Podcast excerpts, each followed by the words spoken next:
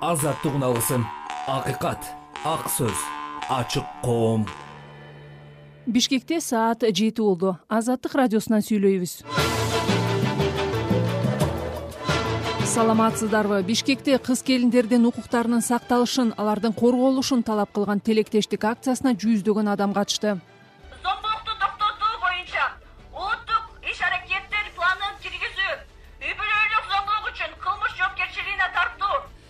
кыргызстанда мамлекеттик мекемеде аялдар же эркектер жалпы жамааттын жетимиш пайызынан ашпашы керек деген эреже көп жерде дээрлик сакталбай келүүдө. Грузияда чет элдик агент мыйзам долбоору биринчи окууда кабыл алынгандан кийин нааразылык акциялары тутанды. Кыргызстанда жол эрежесин бузгандардын жаза чарасы катуулаганына байланыштуу талкуу күчөдө казакстанда кимде ким коомдук жайда сөгүнсө ага айып пул салынып же камакка алынмай болду. Коомдук ортодо отурган кезде абызыңа келген затты оттой бермөө керек го кененирээк мына ушул жана башка темаларга алдыдагы жарым сааттык программабызда токтолобуз. Уктурууну мен рахат кеңешова алып барам. Бүгүн күнгө шаршемби сегизинчи март алгач күндүн соңку жаңылыктары сөз элеонора бейшенбек кызында. Рахмат саламатсызбы угарман бишкекте аялдардын эл аралык күнүндө тилектештик жүрүшү өтүп ага болжол менен беш жүздөй адам катышты акцияга чыккандар кыздардын аялдардын баардык укуктарын сактоо аларды зордук зомбулуктан коргоо жана гендердик теңчиликти камсыз кылуу өңдүү бир катар талаптарды койду. Иш чараны уюштургандардын бири айжаркын өлкөдө аялдар укугун коргоо жаатында маселе көп экенин билдирди. Социалдык политикалык эркиндик үчүн күрөшкө чыктык биз бүгүн маршка негизи мыйзам боюнча бул биздин укуктарыбыз бар. Бирок баардыгы кагаз түрүндө гана биз ушул аз алгандан бери отуз жылдан бери укуктарыбызды тебелеп жатат. Мамлекет тарабынан дагы мисалы үчүн мектепте университетте жумушка алганда дагы аялдарга кысым көрсөтүшөт. Ал арада президент садыр жапаров аялдардын эл аралык күнүнө карата куттуктоо жолдоп кыз келиндер мамлекеттик өнүгүүгө кошкон салымы чоң экенин белгиледи. Жапаров аял лидерлерди алдыга сүрүү жана колдоо үчүн мамлекеттик башкаруудагы ролун арттыруу саясатында кескин чаралар көрүлөрүн убада кылды. Учурда кыргыз өкмөтүнүн курамында башкаруу органдарында жана жогорку кеңеште аялдардын саны кескин азайганына байланыштуу сын доомат айтылып келет. Башкы прокуратуранын маалыматына караганда былтыр кыргызстанда аялдар кордук көргөн окуяларга байланыштуу алты жарым миңдей кылмыш иши козголгон human rights watch эл аралык уюмунун соңку баяндамасында мындай иштердин көбү сотко жетпей калып жатканы белгиленген украина менен орусия жетинчи мартта дагы туткундарды алмашты. Ага ылайык жүз отуз украиналык жана токсон орусиялык өз мекенине кайтарылды. Бул маалыматты украин президентинин кеңсесинин башчысы андрей ермак менен орусиянын коргоо министрлиги бышыктады украинага кайтып келгендердин арасында чек арачылар улуттук гвардиянын жоокерлери жана төрт аял бар. Ермак жалпысынан мариуполдун сексен жети коргоочусу бошотулганын алардын көбү азовсталь заводун кайтарып турганда колго түшкөнүн билдирди. Ал туткундардын көбү оор жарадар экенин белгиледи. Орусиянын коргоо министрлиги кайтарылган туткундарга медициналык жардам керек экенин билдирди киев менен москва өткөн айда дагы туткун айыра баштаган орусия украинага каршы согуш ачкандан бери киев эки миңдей жаранын туткундан бошотту ал арада америкалык генерал украина согуш маалында орусиянын жетимиштен ашык аскердик учагын атып түшүргөнүн билдирди. Кошмо штаттарынын аскерий аба күчтөрүнүн генералы джеймс хеккер бул тууралуу колорадода конференцияда билдирди. Генералдын ырасташынча эки тараптан тең аскердик учактардын аз кыйрашын авиациянын жапырт колдонулушун чектеген натыйжалуу абадан коргонуу системалары менен түшүндүрсө болот. Москва бул маалыматка байланыштуу азырынча комментарий бере элек мунун алдында польша украинага патриот абадан коргонуу системалары жеткирилгенин билдирген киев мындай жабдуулар алынганын азырынча бышыктай элек. Грузияда парламентте чет элдик тыңчылар тууралуу мыйзамын биринчи окууда кабыл алуу тоз тополоң менен коштолду. Добуш берүү аяктагандан кийин оппозициянын миңдеген тарапкерлери парламенттин имаратын курчоого аракет кылды. Полиция аларга каршы жаша кызган газ колдонуп суу бүркүп таратты кошмо штаттарынын тбилисидеги элчилиги долбоордун кабыл алынышын жана демонстранттарга карата күч колдонулушун грузин демократиясы үчүн кара күн деп сыпаттады парламенттин төрагасы шалва папуашвили чогулгандарды жооткотууга аракет кылып бул документти венеция комиссиясына экспертизага жөнөтүүнү убада кылды. Ошондой эле экинчи жана үчүнчү окууда берилген сунуштар эске алынарын айтты. Мыйзам долбоору грузияда сырттан жыйырма пайыздан ашуун каржылоо алган кандай гана уюм болбосун чет элдик агент деп каттоодон өтүүгө милдеттендирилет. Ал шартты аткарбагандарга чоң айып пул салынат ак ордо конушунда үйү түрттүрүлүп төрт баласы менен көчөдө калган марал шаболотованын тамы кайра салына баштады бул тууралуу келин азаттыкка өзү кабарлады. Анын ырасташынча үйүнүн жерин талашып жаткан кошунасы толкун самудинова кызыл китепте мыйзам салганы тууралуу администрациядан кабарлашкан. Шаболотованын үйү соттун чечими менен биринчи мартта бузурулган. Көп өтпөй эле конуштун айрым тургундары чогулуп бийликтен адилет чечим чыгарууну талап кылышкан. Самудинова кызыл китепти мыйзамдуу түрдө алганын айтып келет. Бул окуядан кийин ак ордого президент садыр жапаров барган жер мунапысы токтомун жетиштүү деңгээлде аткарган жок деген себеп менен президенттин чүйдөгү өкүлү сокук жана ала мөдүндүн акимдери иштен алынган жер мунапысы тууралуу өкмөттүн токтомундагы талаш тартыштуу жыйырма жетинчи пункт жоюлган. Жалал абадта биринчи жетинчи март күндөрү кыргыз өзбек чек арасын демаркациялоого байланыштуу эки өлкөнүн жумушчу топторунун жолугушуусу өттү.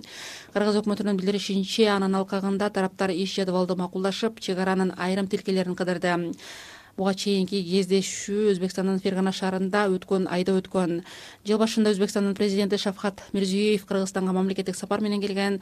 Анда кыргызстандын президенти садыр жапаров эки өлкөнүн чек арасын делимитациялоо жараяны аяктаганын билдирген.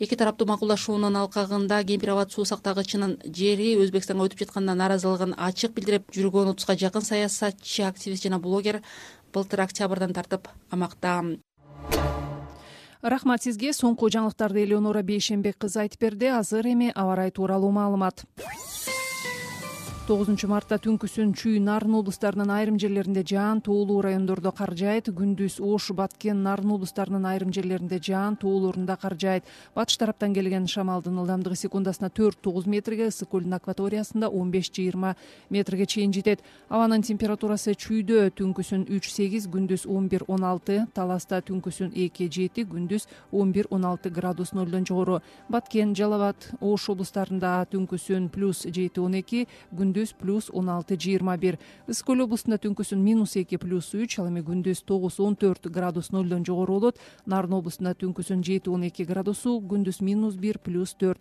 Бийик тоолуу райондордо түнкүсүн он алты жыйырма бир градус суук күндүз ноль градустан минус бешке чейин.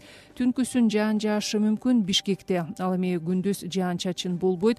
Абанын температурасы түнкүсүн үч беш күндүз он үч он беш градус нолдон жогору болот бишкекте аялдыруу укугу үчүн тилектештик жүрүшү өтүп ага беш жүздөй адам катышты. Алар аялдардын эркиндигин билим алып өзү каалагандай жашоосун зордук зомбулуктан корголгон болушун камсыз кылууну талап кылышты. Мындай акциялар соңку бир нече жылдан бери сегизинчи март күнү өтүп келе жатат. Ар кандай чагымга дуушар болгон учурлар дагы катталган. Быйылкы жүрүштү кабарчыбыз айбек бийбосунов барып көрүп келди бишкекте аялдар укугу үчүн тилектештик жүрүшү эркиндик теңдик эже сиңдилик ураанын алдында өттү. Ага жылдагыдан көп адам катышып келгендердин саны беш жүздөй экени айтылды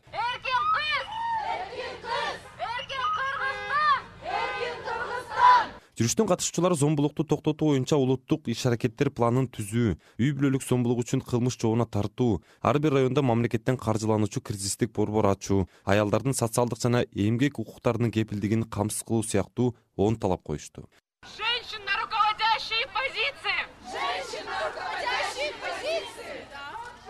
шаар тургуну медет төлөгенов маршка эки кызын ээрчитип келген экен. Анткени аны кыргызстандагы аялдарга болгон мамиле тынчсыздандырат. А положение женщин она у нас э, лучше не становится кыргызстандагы аялдардын абалы жакшы болуп кеткен жок. Бир нече рейтингтерде төмөн түшүп кеттик.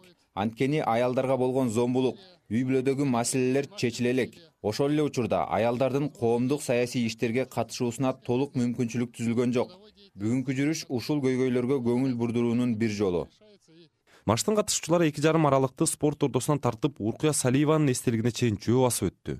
Соңку үч төрт жылдан бери марш кайсыл жактан башталбасын дайыма аялдардын укугу үчүн күрөшкөн салиеванын эстелигинин алдынан жыйынтыкталат тилектештик марштын уюштуруучуларынын бири айжаркын биздин укуктарыбызды тебелеп жатат. Мамлекет тарабынан дагы мисалы үчүн мектепте университетте жумушка алганда дагы аялдарга кысым көрсөтүшөт ошондуктан азыркы учурда бизде кагаз түрүндө эле болгону үчүн бизде закон иштебей жатат. Биз ошол закон иштесе гана баардык кыргызстан боюнча теңдик болмок деп ойлойбуз. Кыргызстанда соңку кездери аялдарга жана балдарга карата жасалган зордук зомбулук үрөй учурган окуялар катталганы көп айтылууда. Ички иштер министрлигинин эсебинде жыл сайын үй бүлөлүк зомбулук боюнча он миңден ашуун факт катталып келет. Эки миң жыйырма эки миң жыйырма экинчи жылы үй бүлөлүк зомбулуктан жыйырма аял каза болгон. Тилекке каршы көп учурда күнөөлүү адамдар жазасыз калып келет. Журналист азат рузиев. Я стараюсь приходить каждый год мен маршка жыл сайын келгенге аракет кылам. Кыргызстанда аялдар зордук зомбулукка кабылып жатышат. Мындай окуялардан каза болгондору да жок эмес. Бирок эркектер буга көңүл бурушпайт. Аялдар эң маанилүү делген. Социалдык тармактарда мугалим дарыгер болуп иштешет. Бирок алардын айлыгы аз. Албетте болгон көйгөй бир марш менен чечилип кетпейт бирок биз ачык айта беришибиз керек. Ниже зарплаты? И мне кажется нам важно об этом говорить. Президент садыр жапаров өлкө айымдарын сегизинчи март аялдардын эл аралык күнү менен куттуктап кыргыз аялзатынын коомчулуктагы орду жогору баалана турганын айтты. Бүгүнкү күндө кыргызстан айымдары өлкө келечеги болгон жаш муундун мыкты тарбиячысы үй бүлөнүн куттуу очогу эле болбостон коомдук саясий абалга да батыл аралашып мамлекеттин өнүгүүсүнө өз салымдарын кошуп келет. Кыргызстандагы аял лидерлерди алдыга сүрөө жана колдоо максатында алардын мамлекеттик башкаруудагы ролун арттыруу саясатында кардиналдуу чаралар көрүлөрүн белгилеп кетейин деди садыр жапаров айбек бийбосунов нурлан бейшебаев азаттык бишкек ал арада кыргызстандын мамлекеттик органдарында аялдардын же эркектердин жалпы саны жамааттын жетимиш процентинен кем болбошу керек деген талап көп жерлерде аткарылбай жатат. Бул маселенин тегерегинде көп талкуу дагы болуп келет. Адистер зордук зомбулукту токтотууга жана башка социалдык көйгөйлөргө жетиштүү көңүл бурулбай жатышынын себеби да мына ушунда деген пикирде. Сөз кабарчыбыз түмөнбай абдинаби уулунда кыргызстандагы мамлекеттик башкарууда гендердик теңдиктин сакталбай айымдардын ага катышпай калып жатышы соңку жылдары көп талкууланып келет алсак жогорку кеңештеги токсон депутаттын он тогузу. Башкача айтканда жыйырма бир пайызы гана айымдар. Министрлер кабинетинин жыйырма бир мүчөсү болсо анда эки эле айым министр бар. Алар саламаттык сактоо министри гүлнара батырова жана жаратылыш ресурстары экология жана техникалык көзөмөл министри динара кутманова. Президенттин ар облустагы өкүлдөрү да жалаң эркек жетекчилер. Жогорку кеңеште да айым депутаттардын санынын аздыгы көп жылдан бери талкууланып өткөн парламенттик шайлоодо аялдар үчүн туруктуу квота киргизилген. Анын арты менен он сегиз депутат айым партия аркылуу шайланып келген. Ал эми отуз алты шайлоо округдун ичинен утуп чыккан жалгыз айым депутат элвира сурабалдиева мамлекеттик кызматтардагы гендердик теңдик боюнча мыйзам иштебей жатканын айтты. Конкурска мамлекеттик кызматка айымдар тапшырганда кырк проценттен ашык конкурстан айымдар утат экенбиз да. Бирок карьера боюнча ошол тепкичтерди орто ортодон өйдө жогорку деңгээлге жетиш үчүн ал жерден он бир эң көп дегенде он бир процент айым эле калат экен да. А мыйзам боюнча эки миң тогузунчу жылы кыргызстан гендер теңчилиги жөнүндө мыйзамдарды алаптырбыз да. Бирок ошол эле учурда ар бир мамлекеттик органда жетимиштен кем эмес бир жыныстагы кызматкерлер иштештирет деген сөз бар да. Бул сакталбайт. Бул деген мугалимдер жаатында ушул социалдык кесиптерде сакталат экен бул. Айым депутат парламентте жана бийликте айымдардын көп болушу менен өлкөдөгү социалдык көйгөйлөргө көбүрөөк көңүл бурулуп чечимдер кабыл алынмак деген ойдо. Гендердик теңдиктин сакталбай жатышы боюнча маселе жогорку кеңештин социалдык саясат боюнча комитетинин он үчүнчү февралдагы жыйынында дагы көтөрүлгөн. Анда жумушчу топ түзүү сунушу келтирилген. Бул демилгени көтөргөн депутат динара ашимова жумушчу топ эркектер менен аялдар үчүн бирдей укуктар менен бирдей мүмкүнчүлүктөрдүн мамлекеттик кепилдиктери жөнүндө мыйзамдын аткарылышы боюнча өкмөттөн маалымат алып мониторинг жүргүзүлө турган болгон акыйкатчы атыр абдрахматова гендердик теңдиктин маселеси бир күнгө байланбашы керек деген ойдо. Аялдар дегенде эле социалдык жана көйгөйлөрдү бере калып тыштай калып ошону чечкиле бирок каржы булактары жок болсо аны чече албайсың коопсуздук жок болсо чече албайсың. Мына акыйкат чыга деле мага деле айым катары. Ошондой ар кандай интрига кылып кандайдыр бир каралоо кылып коркутуу кылган аракеттер э, түзбөмбөйт экен да.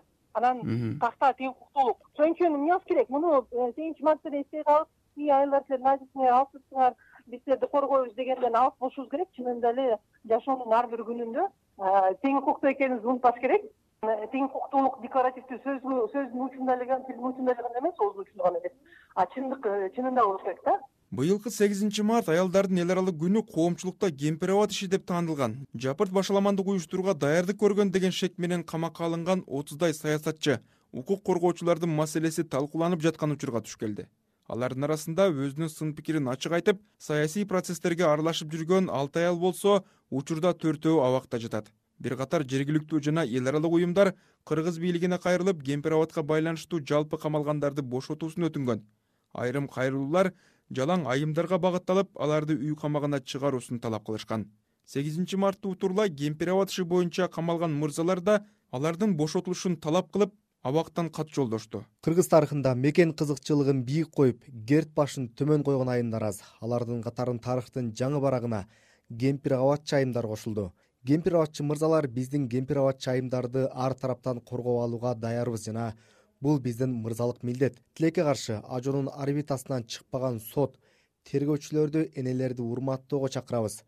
Ошондой эле кемпир абадчы айымдарды бошотууну талап кылабыз. Деп жазылган кайрылууда буга чейин кыргызстандагы бир катар жарандык активисттер укук коргоочулар жана журналисттер кемпир абад иши боюнча тергөө абагында жаткан аялдарды үй камагына чыгаруу өтүнүчү менен бийликке кайрылган. Соңку жылдары сегизинчи мартта жарандык активисттер аялдардын укугун коргоо чакырыгы менен жөө жүрүштөрдү өткөрүп келет. Бул жолку жүрүштө кемпир абад ишине байланыштуу камакта отурган аял саясатчы укук коргоочуларды бошотуу талабы коюлат. Бул тууралуу айткан укук коргоочу гүлкакы мамасалиева өлкөдө аялдардын укугу күн тартибине чыкпай калды деген ойдо. Бизде аялдар түрмөдө отурганы өзү көрсөткүч болот болуш керек. Аялдардын укугун коргогон коргоочулар түрмөдө отурбайбы аялдардын укугу мындай эле аябай эле орчундуу тема приоритет болбой калды окшойт ошол себептен аялдар же болбосо ошол ымыркай балдар өзүнүн укугун коргой албагандарга акыйкатчыбыз анан мамлекет көбүрөөк көңүл буруш керек да ошол себептен биз мен ойлойм ошол сегизинчи мартта лидер аялдарды куттуктабастан укук коргоо органдары өзүнүн статистикасы менен мактанса жакшы болот эле дейм да. Канчалык зордук зомбулук кыскарды аялдардын арасында. Ички иштер министрлигинин расмий маалыматына караганда соңку эки жылда кыргызстанда үй бүлөлүк зомбулуктан жыйырма аял каза болду. Жыл сайын он миңдей аял үйүндө зомбулукка кабылат. Түмөнбай абдинаби уулу азаттык бишкек азаттыктын кечки эфири уланууда азыр соңку окуялардын айрымдарын кыскача айта кетели. Бишкекте аялдардын эл аралык күнүндө тилектештик жүрүшү өтүп ага бул жол менен беш жүздөй адам катышты. Аларда президент садыр жапаров аялдардын эл аралык күнүнө карата куттуктуусунда кыз келиндер мамлекеттик өнүгүүсүнө кошкон салымы чоң экенин белгиледи. Украина менен орусия жетинчи мартта дагы туткун алмашты жүз отуз украиналык жана токсон орусиялык өз мекенине кайтарылды. Америкалык генерал украина согуш маалында орусиянын жетимиштен ашык аскердик учагын атып түшүргөнүн билдирди. Грузияда чет элдик тыңчылар тууралуу мыйзамды биринчи окууда кабыл алуу тоз тополоң менен коштолду. Ак ордо конушунда тамы түрттүрүлүп төрт баласы менен көчөдө калган марал шаболотованын үйү кайра салына баштады. Жалал абадда кыргыз өзбек чек арасын демаркациялоого байланыштуу эки өлкөнүн жумуш топторунун жолугушуусу өттү. Өкмөт башчы акылбек жапаров өзбекстандагы жумуш сапары алкагында анжиан облусундагы уз ауто моторс ишканасына барды грузияда ошентип чет элдик агент мыйзамы биринчи окууда парламентте колдоо тапкандан кийин ага каршы нааразылык күчөдү. Борбор кала тбилисиде. Акцияга чыккандарга полиция күч колдонду. Оппозиция менен жарандык коом башкаруучу партия сунуш кылган бул долбоор өлкөнү авторитаризмге сүрөйт деп чочулап жатышат. Туура бир жыл мурун грузия европа биримдигине мүчөлүккө арызын берген теманы санжар эралиев улантат тбилисиде аянтка чыккан миңдеген кишинин арасында европа биримдигинин желегин булгалап турган кызды полиция бутага алып суу бүрктү. Демонстранттар полицияга май толтурулган бөтөлкө таш ыргытып бийликке кремльге каршы ураан чакырып шейшембинин кечинде руставели аянты тоз тополоңго айланды жетинчи мартта грузин парламенти чет элдик тыңчылар жөнүндө мыйзам долбоорун биринчи окууда кабыл алды. Документти жүз элүү депутаттын жетимиш алтысы колдоду. Документ грузияда сырттан жыйырма пайыздан ашуун каржылоо алган кандай гана уюм болбосун чет элдик агент деп каттоодон өтүүгө милдеттендирет. Ал шартты аткарбагандарга чоң айып пул салынат.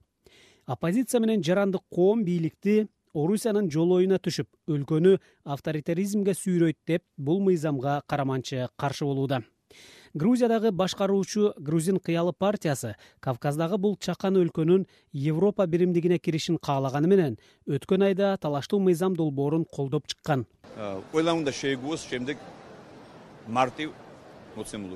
биздин өлкөнүн келечеги чет элдик агенттердин жана алардын вазирлеринин колунда болгон эмес жана болбойт. Биздин өлкөнүн келечеги мекенчилдерге таандык. Грузиянын батышчыл президенти саломе зурабишвили нью йоркто иш сапарда жүргөн жеринен тбилисиде чыккан миңдеген демонстранттарга тилектештигин билдирди мен биринчи күндөн тарта айткандай эле бул мыйзамга вето коем беренелери талкууланып жатканы да мени кызыктырбайт. анын американын эски мыйзамына окшош экени да кызыктырбайт. жана ал таптакыр башка максатта колдонулганын билебиз. Президенттин укуктары катуу чектелгендиктен долбоорго вето койгон күндө дагы грузин парламенти мыйзамды ишке киргизүүгө укуктуу акш грузиядагы окуяларга жакындан көз салып турганын өз мүдөөсүн бийликке жеткирүү үчүн чыккандарга мүмкүнчүлүк берилиши керектигин билдирди.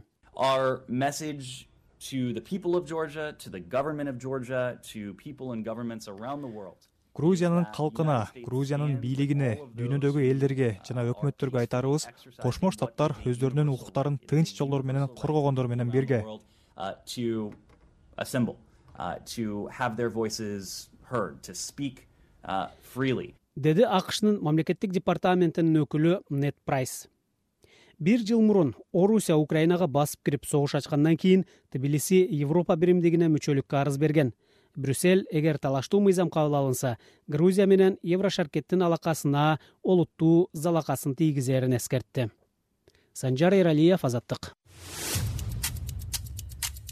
кыргызстандагы окуяларга келсек эми өлкөдө жол эрежесин бузгандардын жаза чарасы катуулап айып пулу дагы көбөйгөнү талкуу күчөдү.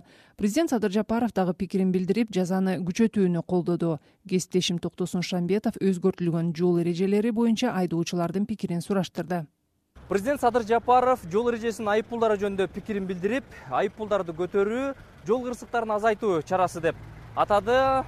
Ал эми буга чейин айрым айдоочулар жол эрежесинин айып пулдарын көтөрүү маекчилердин арасындагы коррупцияны көтөрөт деп сындап жатышат. Он беш миң бергенден көрө гайга бир эки үч миң берип кетип калган жакшы болот атпайбы он беш миң төлөгөндөн көрө. Гаилер эле ортодон акчаны жейт да. Көбөйтүп койгон туура эле алчы. Мындай айткандачы ал действительно аны воспитать эте албайсың алар чөнтөгү менен өзүн өзү воспитать эте албаса болбойт да. А эмне ал бизде кыргызстанда азыр правиланы да билишпейт мына. Жаштар жүрүшөт азыр.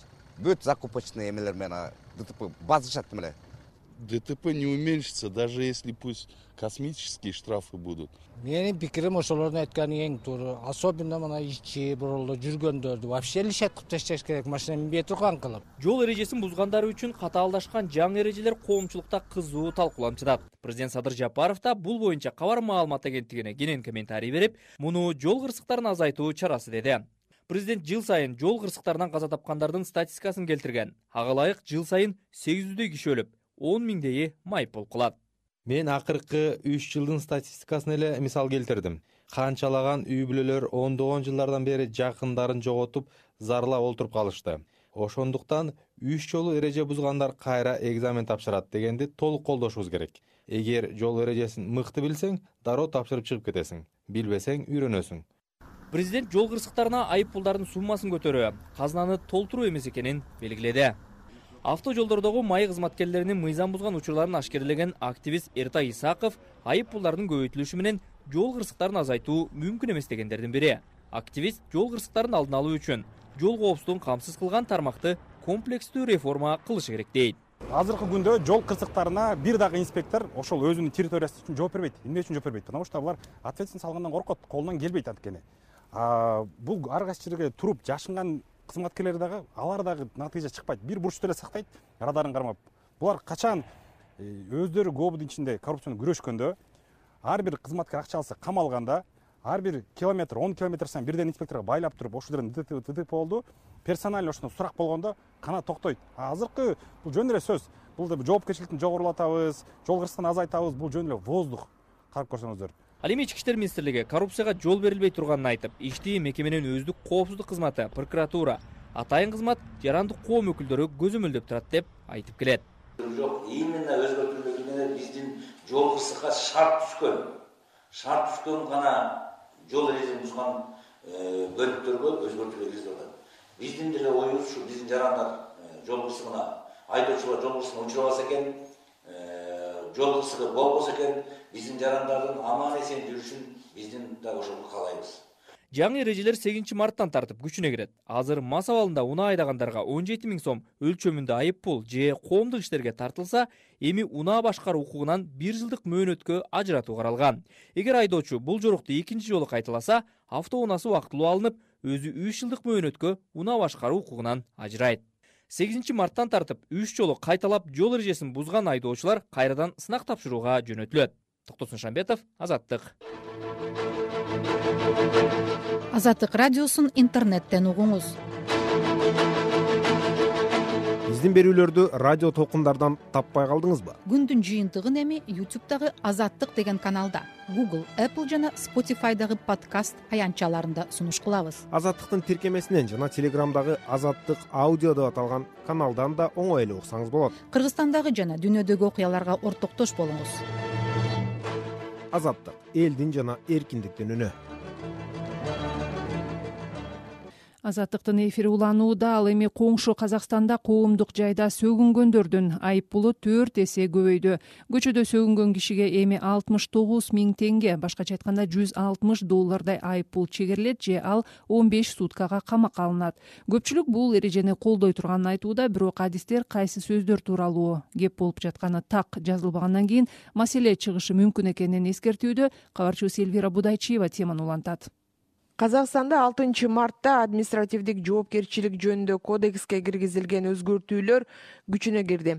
Эми коңшу өлкөдө коомдук жайда адепсиз сөздөрдү айткан адамга салынган айып пул төрт эсеге көбөйдү. Мыйзам бузуу аныкталса айыпталуучу алтымыш тогуз миң теңге башкача айтканда жүз алтымыш долларга жакын айып пул төлөөгө милдеттүү. Же он беш суткага чейин эркинен ажыратылат.